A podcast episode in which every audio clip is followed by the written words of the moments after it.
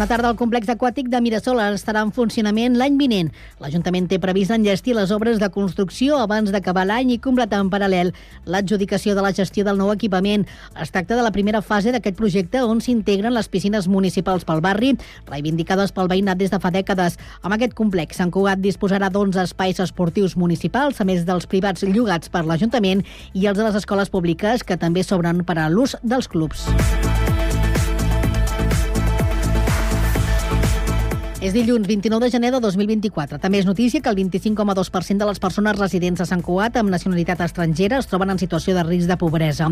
D'aquest segment de la població, el 14,8% es troba en situació de pobresa severa.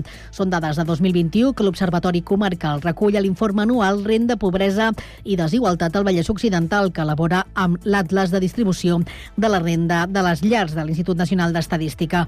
Segons aquest treball, el 8% dels santcuatencs es troba en risc de pobresa i un 3,9% en situació de pobresa severa. Gilgal Solidari engegarà un projecte d'associats per millorar l'estructura econòmica de l'entitat. L'objectiu és enfortir l'organització una mica feble amb la contractació de dues persones en règim de mitja jornada. I és que, com explica Cugat Media, la seva directora, Rebeca Galán, l'entitat se sustenta per una cinquantena de voluntaris que tiren endavant vuit projectes solidaris que donen resposta a més de 800 nuclis familiars de Sant Cugat. Set companyies desenvoluparan els seus projectes artístics a la Unió durant aquest primer semestre de l'any. Les propostes escollides a la cinquena convocatòria de residències artístiques poden fer ús dels espais de la Unió i reben una dotació de fins a 500 euros. A més, els participants reben l'acompanyament en l'elaboració dels projectes i en la cerca de finançament. Així, en total, aquesta cinquena convocatòria ofereix 3.400 euros de suport cofinançat per l'Ajuntament i la Generalitat. I en esports, destaquem que l'embol Sant Cugat ha superat per 29 a 25 els Enquirts en la jornada 18 del grup D de la primera nacional, en un maig marcat per la bona defensa vermell i negre i un atac efectiu. Els Sant Cugatencs s'han anat sempre per davant en el marcador i han arribat al descans amb un còmode avantatge de 16 a 12. Aquesta escletxa en el marcador s'ha mantingut durant el segon temps per assolir una nova victòria. Els Sant Cugatencs comparteixen la segona plaça amb l'Orgràcia i si aquest dimarts guanyen a la pista del Sant Vicenç, el maig recuperat de la jornada 17 consolidaran aquesta posició en solitari.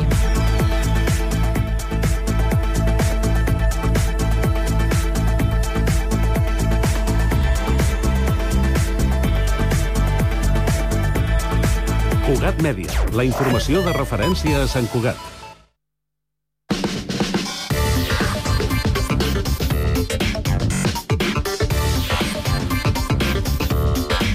Cinc de la tarda, 3 minuts, inici de la segona i última hora d'aquest Connectats de dilluns. Informació de servei, comencem com sempre pel trànsit. Eduard Sánchez, bona tarda. Hola, bona tarda. Doncs de moment, en general, es poden anar circulant força bé, sense massa entrebancs. Únicament hem de parlar d'un tram a la C-17, a la zona de Lliçà d'Amunt, a causa d'un vehicle variat, en sentit pic, que està ocupant un carril generen entre 1 i 2 quilòmetres de retencions en aquest punt de, de la via. També tenim alguns punts, sobretot de les dues rondes, amb més densitat, amb més volum, en sentit Besòs, especialment la de dalt, des de Sarrià fins a Vallcarca, de forma intermitent, fragmentada, o, per exemple, la sortida del cinturó de litoral, de la A2, a la zona de l'Hospitalet, cap a Cornellà, en direcció Martorell. És tot. Bona tarda. Gràcies. Anem ara al Transmet per saber com està funcionant el transport públic. Héctor Molina, bona tarda. Doncs avui dilluns comencem la setmana parlant de normalitat a la xarxa de transport públic de l'àrea metropolitana. Tots els serveis funcionen segons els horaris i les freqüències de pas planificades. De moment, això és tot des del Transmet.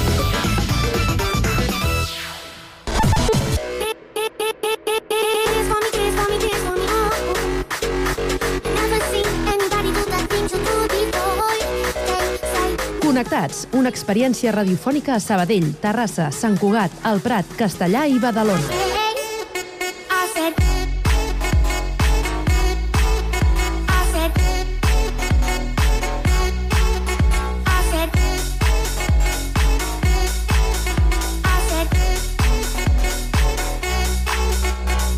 Connectats amb Carme Reverte.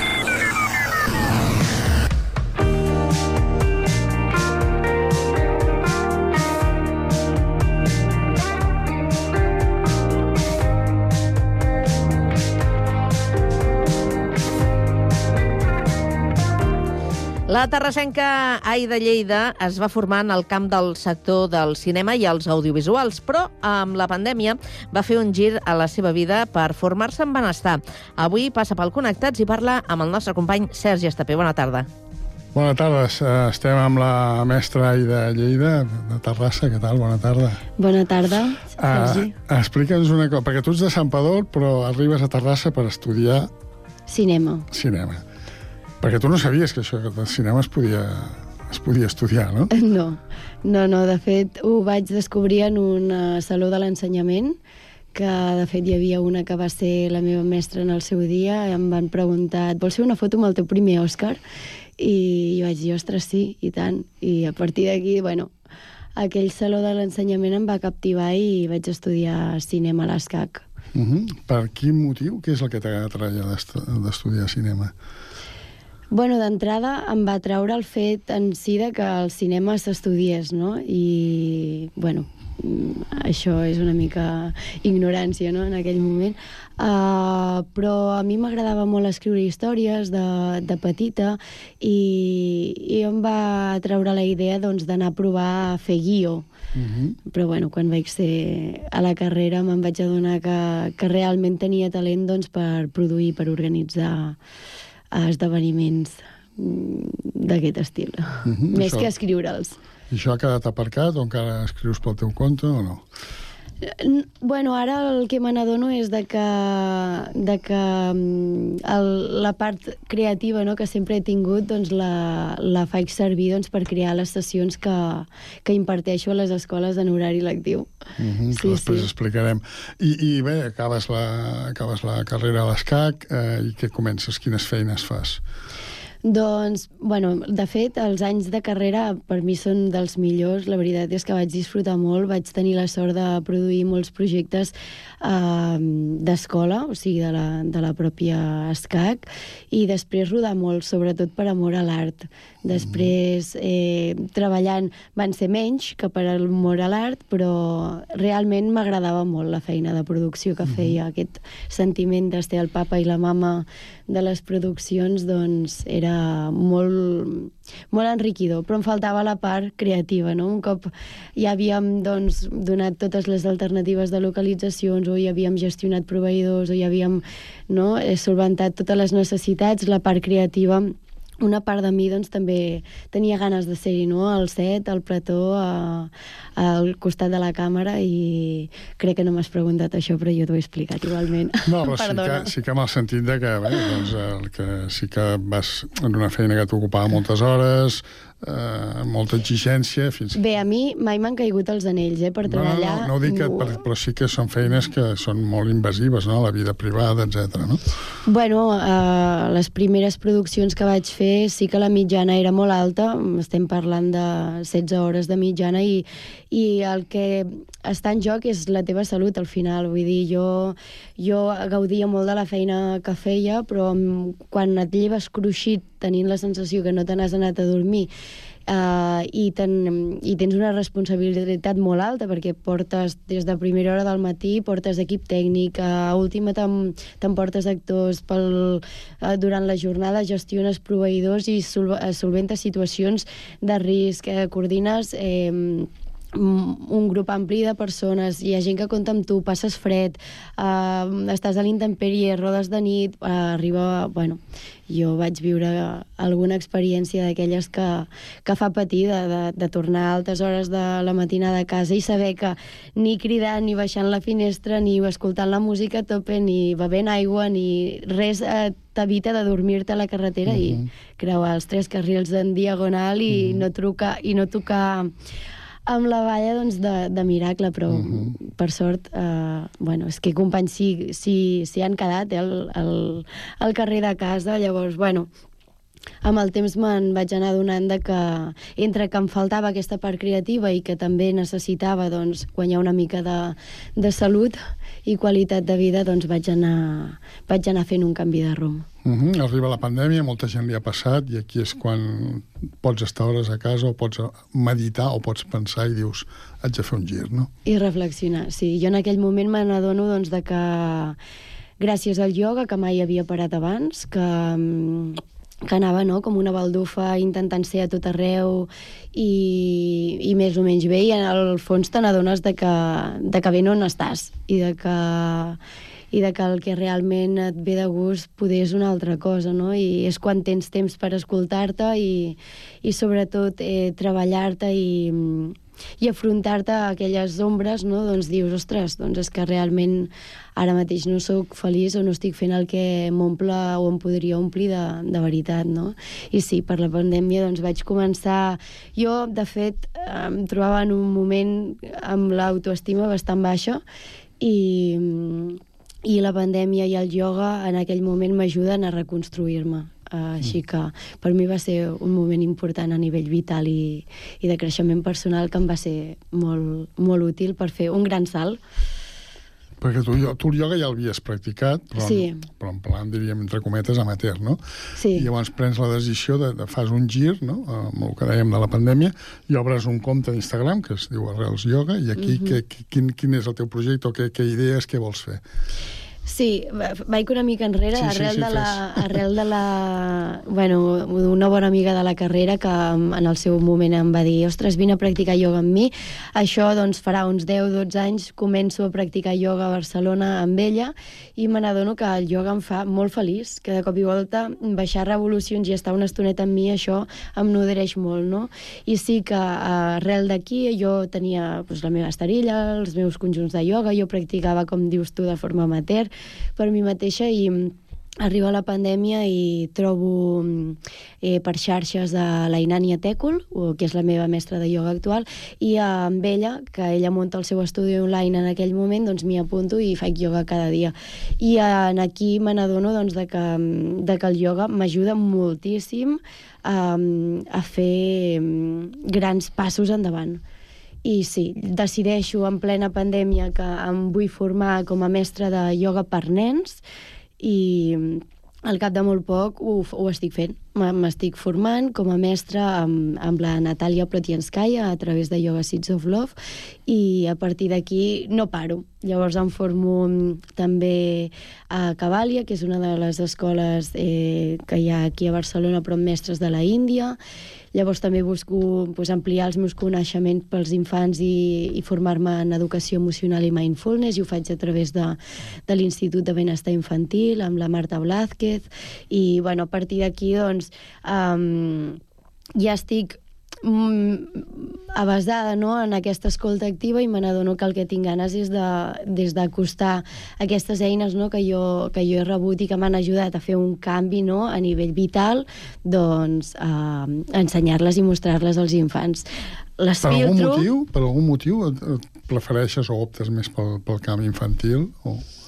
Uh, doncs opto per al... Per, o sigui, jo no descarto, el, el, o sigui, no, no, no he deixat de banda en el meu treball eh, com a mestra um, dintre d'Arrels, la meva empresa, els adults, de fet els Mhm. incloc perquè crec que som, és, són, és necessari tenir-los presents ja que som el, el mirall dels infants, llavors opto per als infants perquè penso que, mm, que obtinc unes eines que mm, si hagués tingut de més joveneta m'haguessin estalviat situacions. Llavors crec que uh, començant per la base doncs podem canviar moltes coses.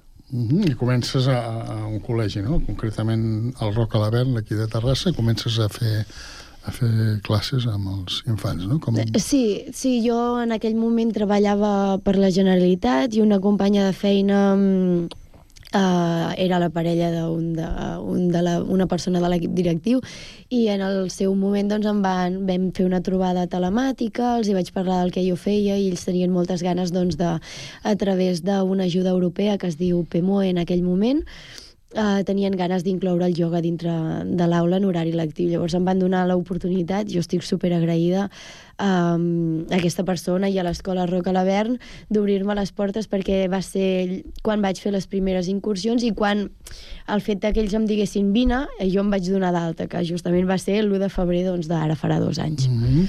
I bueno, llavors has treballat en altres escoles, també fas ioga en família, però eh, principalment ara estàs molt immersa en un projecte, com deies, ara farà eh, dos anys, no?, del, del Reals Yoga, més o menys, fa dos anys. Ara, aquest dijous, dia 1 de febrer, celebrarem el segon aniversari de Reals. El segon aniversari d'aquestes primeres classes de ioga a l'Escola Roca Lavern. Uh Mhm. -huh. D'aquests, de, de, bàsicament, de, bueno, de donar-me d'alta d'autònoma. I bé, en aquest, aprofitant aquesta celebració, serà això el teatre principal, si no m'equivoco. Sí. Eh, presentaràs el programa Mirant, Mirant cap endins, no?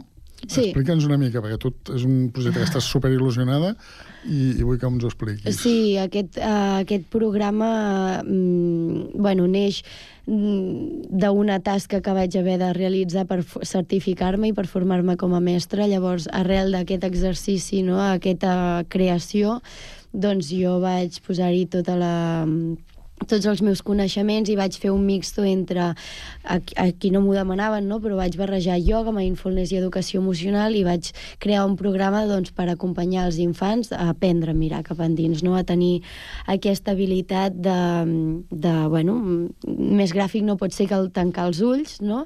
però mm, l'escolto què em diu el cos, escolto què em diu el cap, escolto i atenc les meves emocions i quines eines jo tinc eh, que formen part de mi, que són innates, que són personals, i com les puc fer jugar a favor, doncs, justament doncs, en el dia a dia, en qualsevol, eh, per fer front a qualsevol adversitat o qualsevol situació.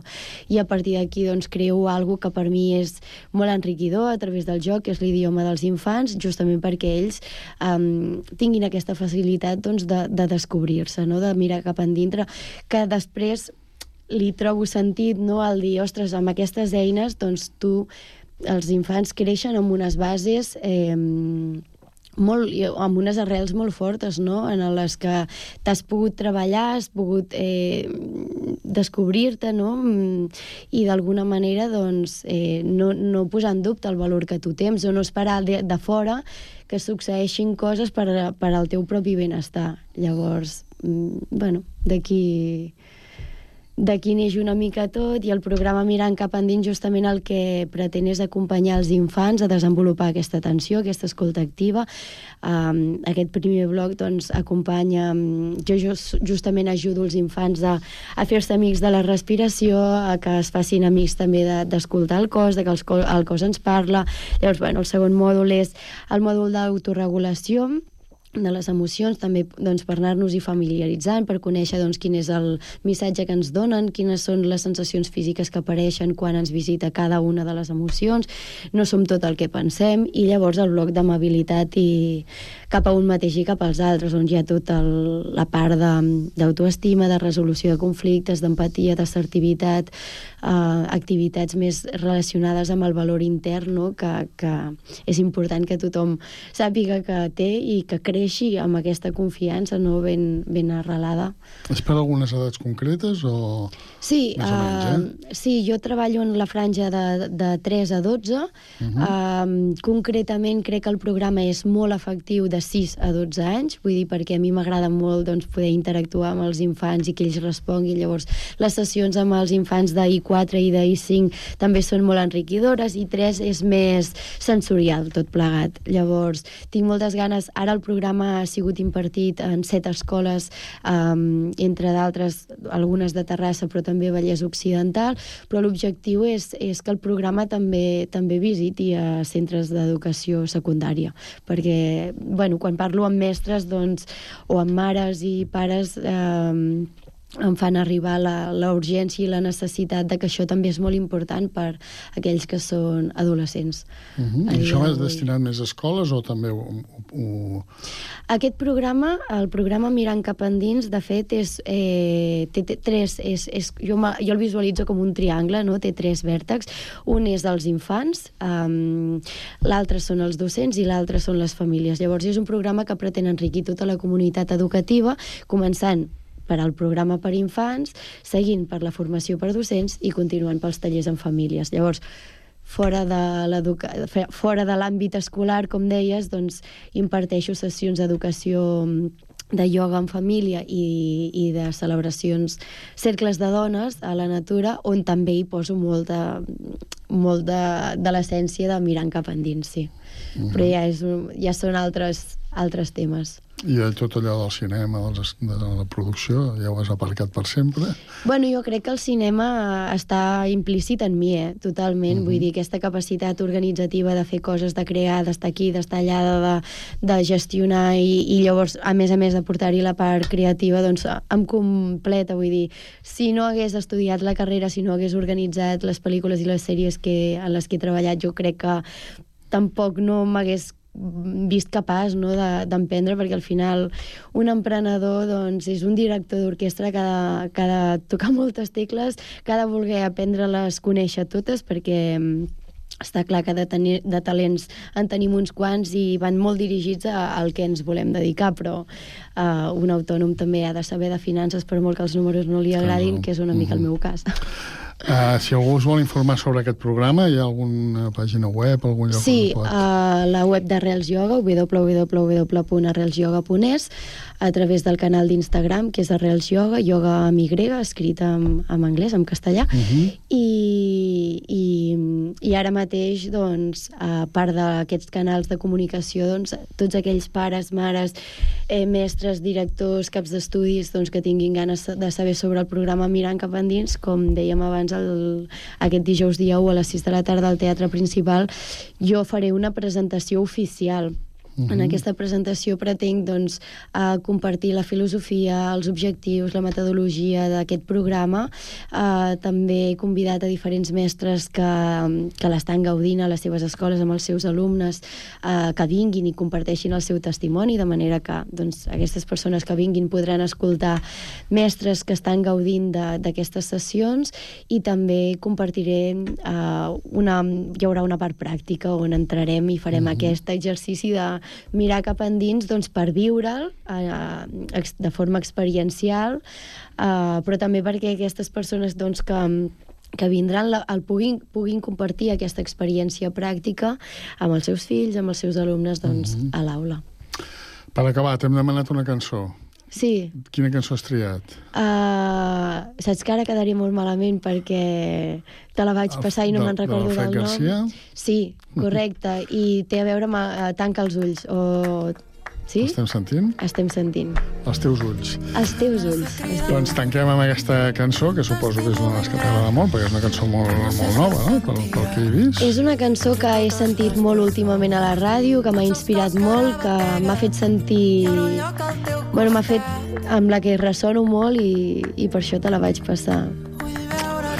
Doncs, ai, de llei de mestre, que tinguis molta sort amb aquest projecte. Moltes gràcies per passar avui pel Connectats. Gràcies a vosaltres, gràcies a tu, Sergi.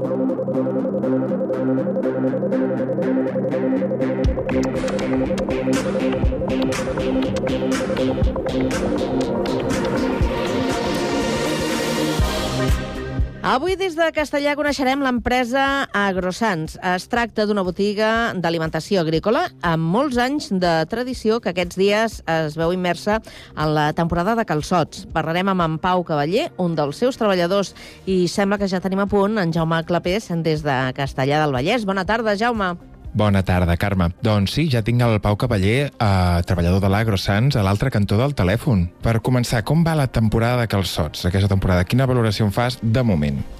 De moment ha engegat molt bé.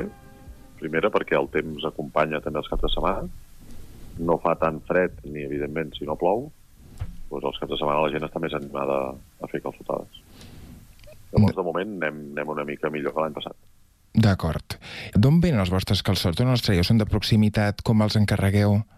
Mira, cada any tenim un, tenim un, un pagès a Granollers que cada any ens fa, bueno, fa, fa molt, molts calçots, es dedica a això, calçots i, i mongetes, i, i cada any eh, bueno, ja els tenim encarregats amb ell. I cada mm. setmana ens serveix. Cada setmana li fem comanda i cada setmana ens el porta un parell de cops. Ve amb la furgoneta i ens descarrega aquí els calçots. D'acord. És, eh, pot ser que només siguin amb reserva o també la gent pot passar i comprar? No, no, no. Sí, reserva o, o comprar directe. Vale. Clar, si venen dissabte a mig matí, sí. doncs a vegades sí que és millor encarregar-los. Divendres tarda, divendres tot el dia sempre n'hi ha. D'acord. Divendres al matí porten, en porten forces. I dissabte normalment també, però clar, si ve algú a última hora o a les 12, que teniu 300 calçots, doncs hòstia, a ja anem una mica més justos, o hi ha dies que sobren i hi ha dies que n'hi han. Però sí que recomanem que, que el reservin per assegurar el tiro. Va, d'acord. Molt bé. Um, I a, a part de, dels calçots en si, també crec que veneu una salsa com bastant especial de, de calçots? Sí, uh, treballem amb, amb el proveïdor de Casa Ametlla, que porta molts anys fent, fent productes ells propis, Uh -huh. uh, i fa salsa de calçots ecològica, sense gluten, sense... Bueno, bàsicament apta, apta per, per celíacs. D'acord. Llavors, el ser ecològica doncs, també porta productes naturals, està fet amb oli d'oliva, que moltes altres salses estan fetes amb, amb, oli, amb oli vegetal, uh, amb oli d'aquest de girassol i tot això. No porta espessants uh, afegits, saps? Vull dir, és una salsa molt natural. Llavors, per la gent que té intoleràncies, Li va, una molt bona opció. Li va, li va, li va perfecte. Molt bé. Um, he llegit que a vegades, o sigui, algun cop havia fet com una calçotada, però ja últimament el que feu era com degustacions en horari comercial a, a la botiga. És possible? Sí, això ho havíem fet unes èpoques, però ara ja fa temps que no, no en fem cap, perquè, bueno, ens creuava també amb horaris de dissabtes, d'esmorzars a altres llocs. Vale. Bueno, tampoc era massa el nostre... Tampoc no volíem fer esmorzars, volíem fer degustacions, després la gent... Es veia com esbarat molt una mica. saps? La gent venia amb la taula, Ostres. les que, sí, sí, sí, es va, es va desmadrar una mica. I, bueno, al final vam, bueno, vam descartar. I, I quin tipus de comandes us fan? Fan comandes molt grosses o això són grups mitjanets que fan una calçotada... Uh, poder la mitja de comanda seria 150 calçots. N'hi ha de més i de menys, després hi ha associacions o col·lectius una mica més grans. Hòstia, necessitarem per la setmana següent 800 calçots, perquè som una colla... Ah, Però lo normal és això, uns 150. D'acord. I dintre de tota la tot el, tot el, de tot l'any, de tota la venda de tot l'any, uh, l'època aquesta de calçots és una època gran de, de, de ventes? A veure, és, un, és que cada any s'està allargant més. Abans era impensable, abans de festes de Nadal, vendre calçots. Mm. Però ja fa un parell d'anys cap aquí, que al nove, finals de novembre, mitjans de desembre, ja fem com una primera entrada, poques D'acord. ventes, però sí que ja la gent ho comença a demanar. Llavors també quan els pagesos ho sembren, també ja estan els... Ja és una cosa que cada cop ho sembren també més d'hora. Vale, Poder servir més d'hora i allargar més la temporada. vale. El problema és que s'escurça després per l'altra banda. Si fa molt fred o fa fred i va fent fred i es pot allargar fins, fins a l'abril. Vale. Però clar, com que la, la calor va apretant i cada cop comença a fer més calor més d'hora, el calçot no pot estar tant temps a la terra. Llavors, clar, el calçot a la terra es fa malbé. Llavors, a vegades, hi ha hagut anys que a finals de març ja és com, com l'última setmana. Saps? O mitjans d'abril ja, ostres, ja és molt difícil en aquí, almenys a nosaltres, eh, a la nostra botiga, D'acord. que servir calçots a partir de... Aquest any Setmana Santa queda cau molt a prop. Uh -huh. Però passat Setmana Santa ja la cosa ja frena bastant. Vale. Llavors, com més duri el fred, més temps de, més temps de Sí. calçot. Si el Aquest fred any... allarga, allarga més, doncs, ostres, pots anar tibant de calçots perquè aguanten més, en el camp no s'han no espatllat. Que si es fan vells en el camp, llavors, clar, si fa molta calor, es fan molt grans, es fan molt grossos, llavors ja no Ja. és el mateix. La gent vol aquell calçot mitjanet, saps? Clar, que és més fàcil de, és més fàcil de coure. És més fàcil de coure, si és més gustós. D'acord.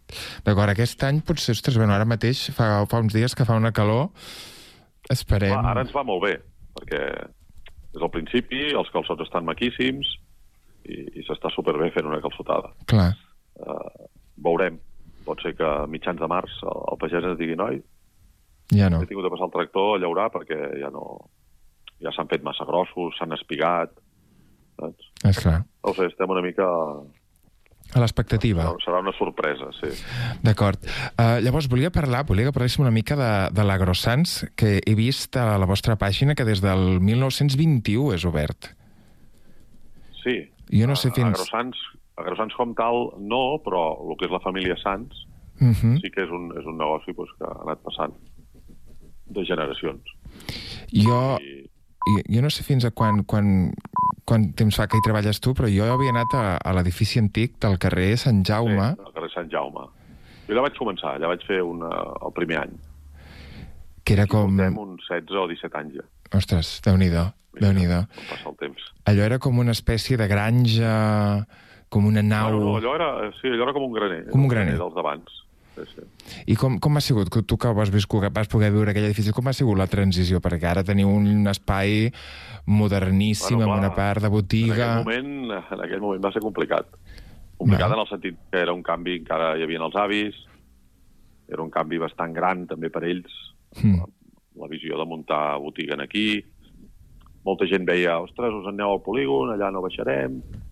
Bueno, era, va ser, va haver de tot, clar. Hi ha molta gent que va dir, ostres, i ara hora perquè allà es podrà aparcar bé, Mhm. uh, un espai més gran, amb productes d'aquí... Bueno, va ser una aposta.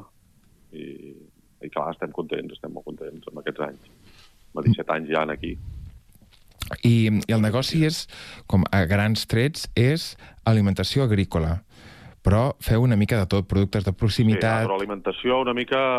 Clar, pots trobar des de productes pel camp, eh, a la via granel, eh, alimentació, alimentació per, per, per mascotes, tot tipus de mascotes. Eh, també tenim la part de bestiar eh, de gallines, gallina, pollastre, tot això en, en viu, Val. per vendre a molts pagesos. Uh, bueno, és, és una mica com tot el que enfoca engloba una mica el tema rural, el tema agro, i, bueno, i productes doncs, més, uh, bueno, una nevera amb espatecs, amb formatges, amb coses més d'aquí, de, de, del Montbrú o d'algun proveïdor més local, no? Bueno, una mica Vale. tot.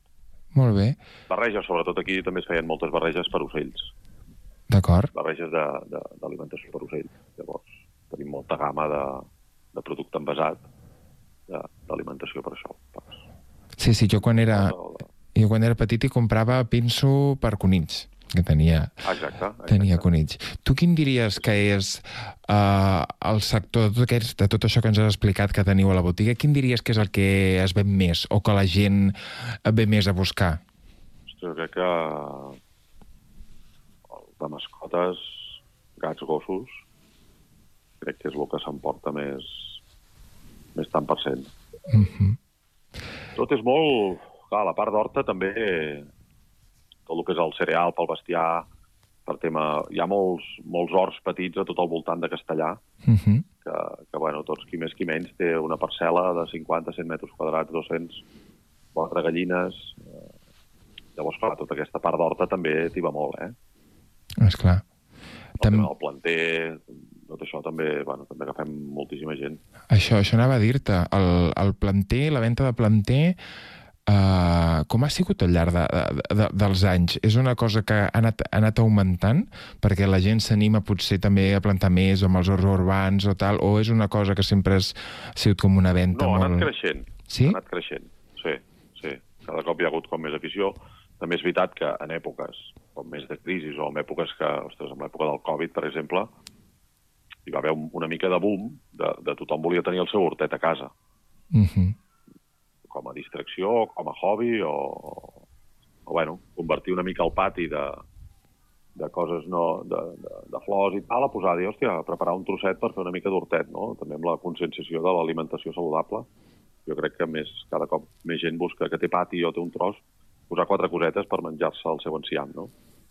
Esclar. Llavors, bueno, és una cosa que ha anat creixent. Molt bé. I quanta gent, quanta gent hi sou treballant a, a l'AgroSans? Ara mateix, set. Set persones. set, vuit. A vegades aquesta època de més feina doncs agafem algú, o... però de, de base som set. Molt bé. Uh, hi ha com perspectiva de, de créixer o creus que ja heu fet després d'aquest canvi a, a, a traslladar-vos al polígon i tal, al nivell d'expansió ja, ja està la cosa més, mm, no diria estancada, però mm, moderada? Sí, això no, no se sap mai. No se sap mai si pots, eh, no sé, si a la llarga es pot plantejar algun altre tipus de projecte. Home, ganes sempre n'hi han de créixer, evidentment. Mm? Que, bueno, Sí, Aquí ja tenim amb els que som i, i amb el volum de feina i això, doncs, bueno, creiem que estem bastant... Clar, jo tampoc sóc... A... Jo sóc un treballador que fa molts anys, Hm. Llavors la, la, la idea dels, dels amos o dels jefes, doncs, bueno, és una mica... No sé fins a quin punt volen créixer. Obrir diferents tendes, jo crec que això no. No. Ara, expandir-se amb algun tipus de producte exclusiu nostre cap a altres botigues, Ah. que també fem, que també venem producte nostre a altres botigues d'aquí de Catalunya, Uh -huh. doncs, bueno, aquest, aquesta, aquesta part sí que poder la veig que es pot expandir en buscar més punts de venda, perquè bàsicament tot el que venem nosaltres de, de pinso d'ocells i tot això sí que tenim marca pròpia i som distribuïdors. D'acord. Llavors això sí que ho veig, que pugui créixer per aquí. En l'exportació. Ah, exacte, D'acord. a nivell nacional. Molt bé. Doncs moltes gràcies per passar pel Connectats. Doncs vinga, vosaltres.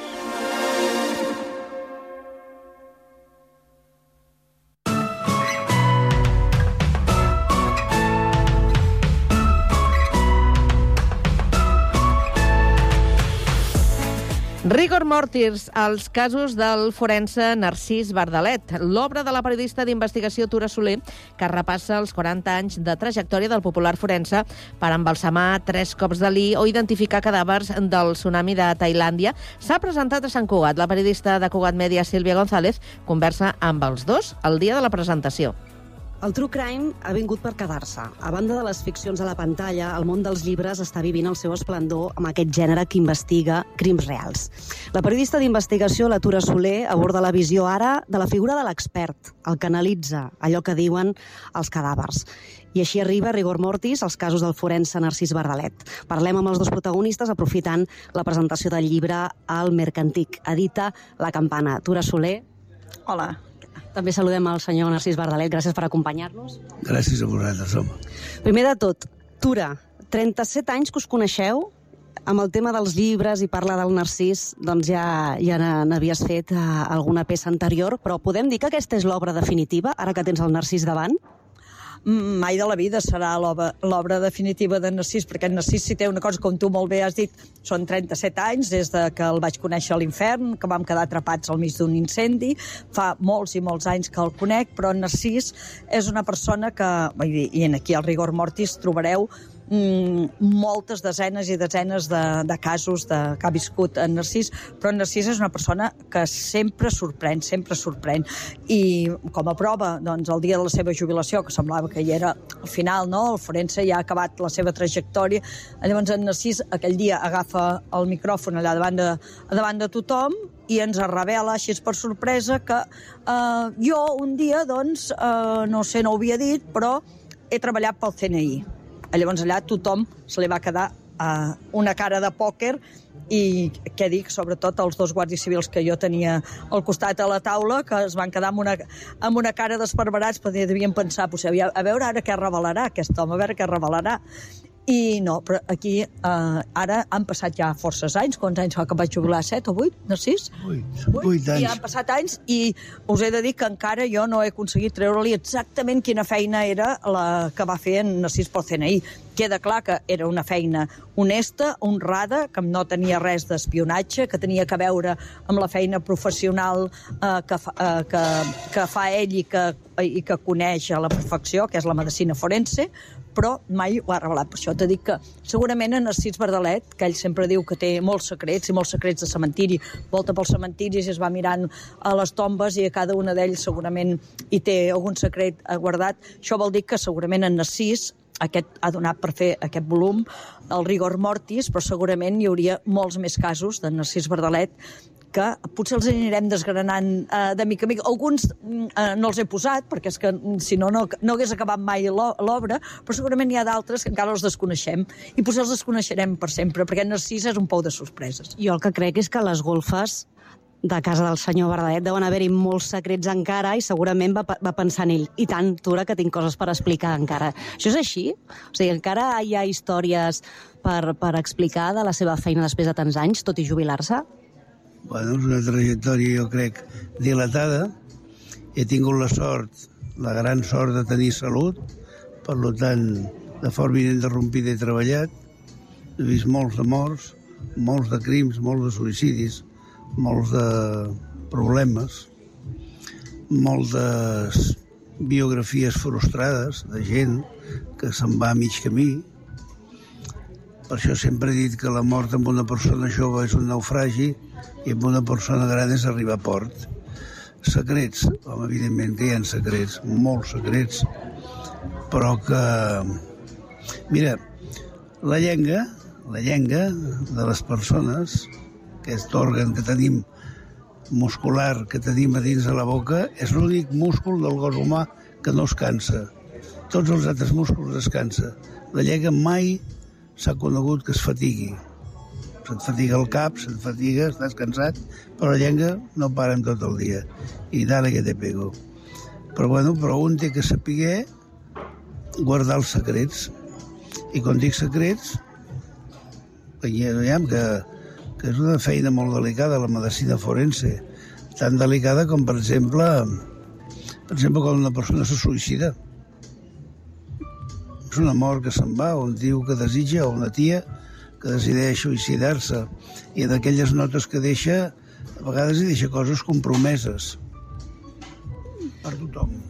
Jo suposo, i, i també em cridava l'atenció perquè estava rememorant l'atura quan es van conèixer el 86, aquells incendis de, de l'Empordà, i a mi m'ha cridat l'atenció del que ella va explicant, és la calma que va transmetre en aquell moment i jo entenc que ha de ser un element clau per poder fer la seva feina i que la part emocional no afecti i mantenir sempre doncs, aquest full de ruta i aquesta tranquil·litat per poder veure amb claredat, no? Tu tens que tenir un equilibri perquè si tu et deixes portar per lo que veus, per la passió, pels impulsos, doncs no anem bé. Tu tens que tenir la serenitat, que a més que d'alguna forma t'ho exigeix. I jo com veig, per exemple, un crim d'un nen petit, si jo et digués el que penso, doncs ja t'ho pots imaginar. M'imagino que pensaria igual que tothom normal. Però bueno, un es té que contenir i, i tenir el cap fred. Tens que tenir el cap més fred que el cadàver. El cadàver ja li té el cos de fred no? amb algunes excepcions, si s'ha mort amb un incendi, calcinat, però tu el cap el tens que tenir fred. I sobretot no deixar-te portar per la corrent. I saber observar. Saber observar. És important. Això d'observar, jo entenc que fent aquest mama amb la Tura, que és l'autora del llibre, i parlant de la seva carrera, el tema de l'observació, la investigació, i tu que dius sempre que ara amb les xarxes socials no tenim temps d'investigar i de fer la feina com toca, Aquí pots retre un homenatge a la investigació, a aquesta observació, per exemple, que n'està parlant el, el Narcís? Exacte, la calma és molt important, però és molt important per la feina d'un metge forense i és molt important també la calma i la serenitat per la feina d'un periodista, d'un periodista d'investigació, el que ens passa ara a vegades amb el, els periodistes que volem ser els primers a donar el que donar-li la importància de ser el primer que ha penjat en, en un web, això és una mica culpa de les xarxes socials, i això realment uh, les presses són molt males companyes pel periodisme d'investigació, de la mateixa manera que un forense, quan es troba davant d'un cadàver o davant d'una escena, perquè és molt important veure l'escena del crim també, doncs una mica mm, ens trobem mm, igual, no? que necessitem reflexió, calma i, i, i reflexió. I en Narcís jo puc donar a fe que és un home, amb, un home que té molt de sentit comú i, molt, i molta calma. Ho vaig comprovar aquell dia allà al, al mig del, del bosc, que estàvem tots realment eh, espaordits, eh? perquè ens veiem que, que acabarien cremats i jo vaig aparèixer aquest home amb aquella calma en allà que anava a fer un aixecament de quatre persones que es havien estavellat allà amb una, uh, amb una avioneta, que al final resulta que els cadàvers no hi eren, que aquesta és una altra, però apareix ell i quan ens va veure amb aquella cara de condemnats a la foguera, perquè és el que érem, i diu, bueno, no us espanteu tant, tampoc, i anava ell amb un mocador perquè no, no, el fum no l'ofegués, Uh, no passa res, si veiem que el foc ens atrapa, ens buscarem una clapa de bosc que estigui cremada i, i ja està. I jo vaig pensar, mare de Déu, aquí ens hi quedem segur amb, amb, aquesta, amb aquesta gent, no? Amb, amb, si va, anem amb aquesta filosofia, però després, allà un cop ho van haver superat i van haver sortit, després reflexiones, no? I dius, quina gran uh, veritat i quin sentit del raonament i quina lògica que té, que,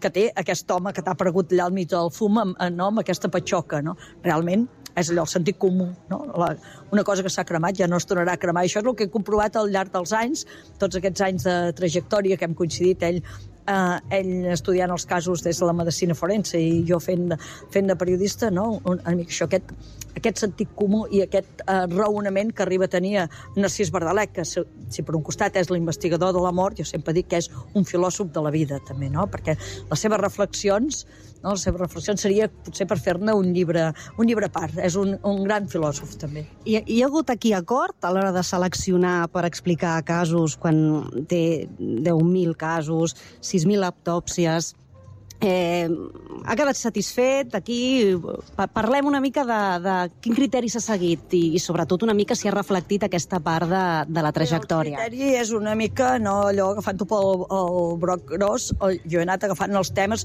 seguint una mica cronològicament la vida d'en Narcís, potser aquells que els tenia millor documentats, els que els coneixia més bé, els que a mi me semblaven més interessants. Molts, alguns eh, s'anomenen només de, de passada, no? perquè són casos que necessitarien per si sols, no? per exemple, que en Narcís Bardalet ha tractat el tema la Maria Àngels Feliu, que va avaluar la Maria Àngels Feliu, que ha avaluat molts, eh, mm, molts assassins eh, ha algun assassí en sèrie. A vegades s'hi passa com una mica de passada.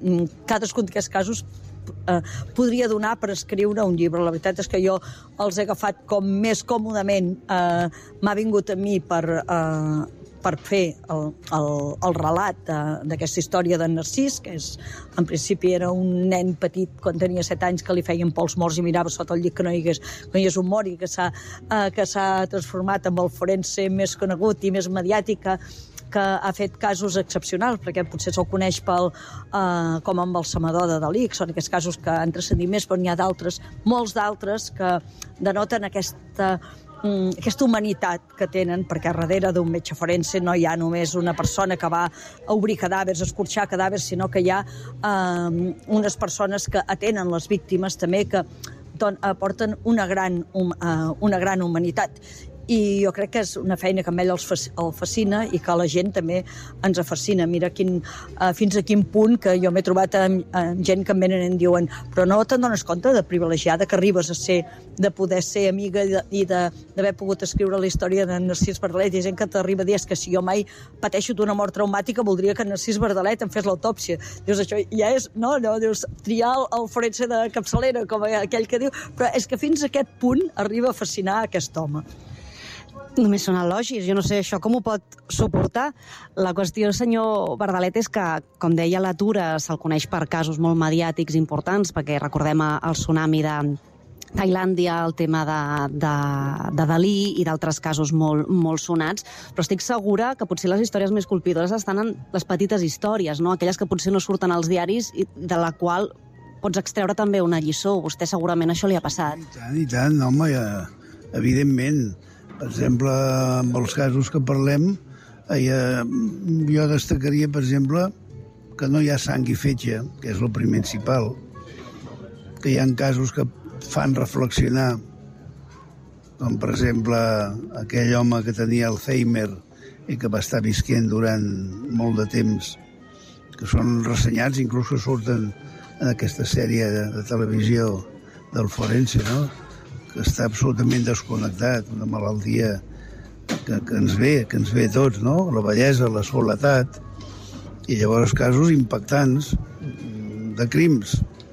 Bueno, n'he vist molts, molts amb 40 anys, a 12 per any, a 12 per any, multiplicat per 40 anys, multipliqui i veuràs el que et surt. Em surt un número molt gros, senyor Bardalet. Jo volia preguntar-li, ja per, per anar acabant, que mm, de la seva trajectòria, ara que hi ha aquest auge del true crime, de crims i de totes aquestes uh, sèries que reprodueixen una mica aquest món, considera que ara potser s'està començant a visualitzar fidelment quina és aquesta feina que hi ha darrere de la medicina forense, que normalment a la pantalla gran ens quedem amb el, amb el, amb l'expert una mica estrany i, i friqui, i això s'allunya bastant de la realitat. Bueno, com jo vaig començar, la imatge que hi havia del forense és que ha canviat molt en 40 anys. Tot ha canviat, eh? Tot. Hasta el model de les ulleres. A partir d'aquí, la imatge del forense fa 40 anys era un home... El cos estava absolutament el cos de forenses masculinitzat, tot eren homes. Era l'home del traje gris, ja de certa edat. Això avui ha variat totalment. Avui en el cos de forense hi ha més dones que homes. Està feminitzat, com tota la societat. És un reflex de la societat, no? Que també és bo. Jo crec que ha sigut útil, perquè ha fet pericials que quan era el cap del forense de Girona creia que en el reparto del treball que hi havia casos era millor que els portés una noia. Sí, sí, una noia, perquè pot veure unes facetes diferents que un home, amb aquest dilema que hi ha de si el machisme, el no machisme, etc etc. no? Me'n recordo, per exemple, em ve a la memòria un cop que vam anar tres forenses per veure com veien el cos, el, un cas que va quedar amb una condena molt alta, molt alta, i, bueno, i, és el que tinc a dir, molt alta, perquè el Suprem va ratificar 60 anys, o sigui que és una condena molt alta per un cas de que d'un home que havia tingut relacions sexuals amb la seva filla, però a més hi havia ja una biografia absolutament patològica, anormal, des del punt de vista sexual, que tenia relacions amb tots els animals que tenia a casa, amb els vedells, el gos, el porcs, la truja, esclar, eh, això no t'ho veus cada dia, for, afortunadament, no? Afortunadament. Tu saps que està descrit, que ha passat. Bueno, formes de veure la cosa, la societat ha canviat moltíssim, algunes coses per bé, i algunes altres coses que algú diria que per malament. I a partir d'aquí que tothom... I el malament? El malament me l'explica?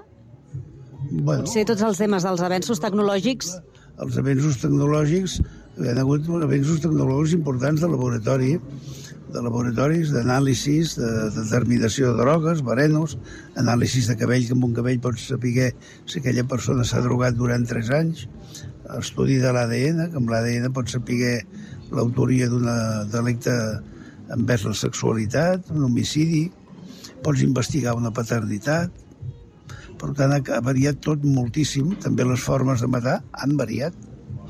Quan jo vaig començar, fa 40 anys, bueno, al medi rural la discussió era entre dos pagesos que es fotien un cop d'estral al cap o un cop de pal o martell o cop de lo que vulguis o un tiro amb l'arma de caça i no hi havia gaire res més a investigar. Inclús un es presentava la Guàrdia Civil aquella època hi havia Guàrdia Civil, ara ja ha evolucionat. Ara hi ha crims ja molt més, com a dir, sofisticats, més mafiosos. Ha aparegut una cosa que abans no hi era, que és el crim per encàrrec, els sicaris. Previ paga o de lo que sigui, de la quota, per dir-ho així, van, es presenten a Marbella, o qui diu Marbella de Terrassa, o Lloret de Mar, i amb tota la sang freda et foten un tiro i se'n van amb un silenciador a la pistola. Per tant, tot ha variat.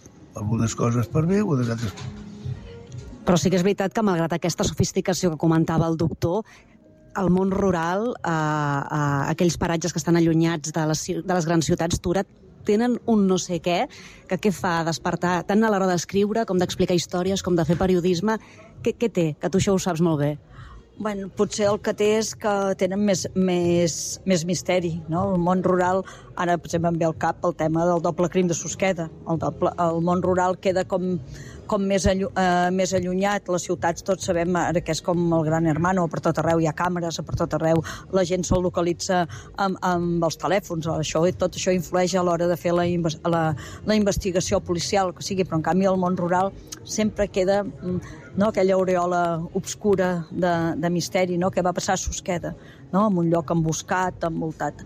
Uh, un paratge natural magnífic, però que en canvi guarda molts i molts secrets, no? com, els, com una mica com els secrets del doctor Bernat, aquells secrets que encara, tot i tots aquests avenços de l'ADN la, de que estem dient, tot i la tecnologia, eh, jo que fa molts temps que, que treballo al món aquest, eh, als anys 80, als anys 90, més o menys quedaven un 20% de casos de crims per resoldre.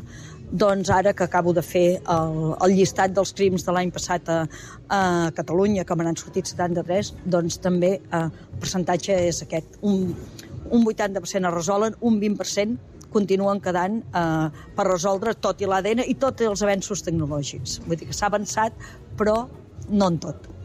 Doncs, senyors, eh, moltíssimes gràcies per aquesta conversa, que vagi molt bé aquest tour de presentació de, de Rigor Mortis i, i a veure si és veritat, si, si potser la història continua i encara tenim noves oportunitats per trobar-nos, que segur que sí. Moltíssimes gràcies. De res, dona. Moltes gràcies a vosaltres.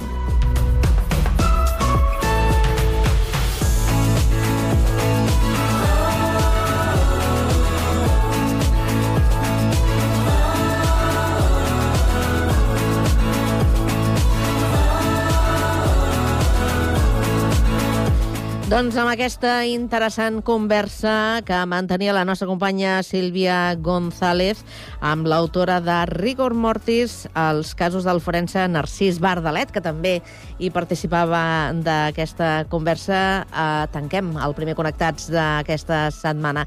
Demà tornarem i ho farem amb l'edició de dimarts a partir de les 4 i 3 minuts. Fins aleshores, acabeu de passar molt bona tarda.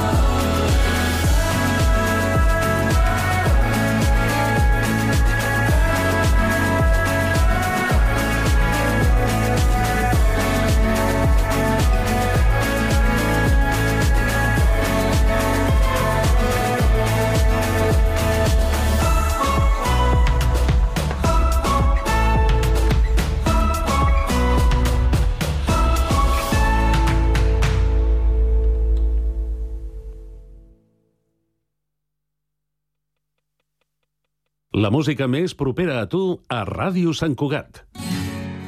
Seran les rimes o les melodies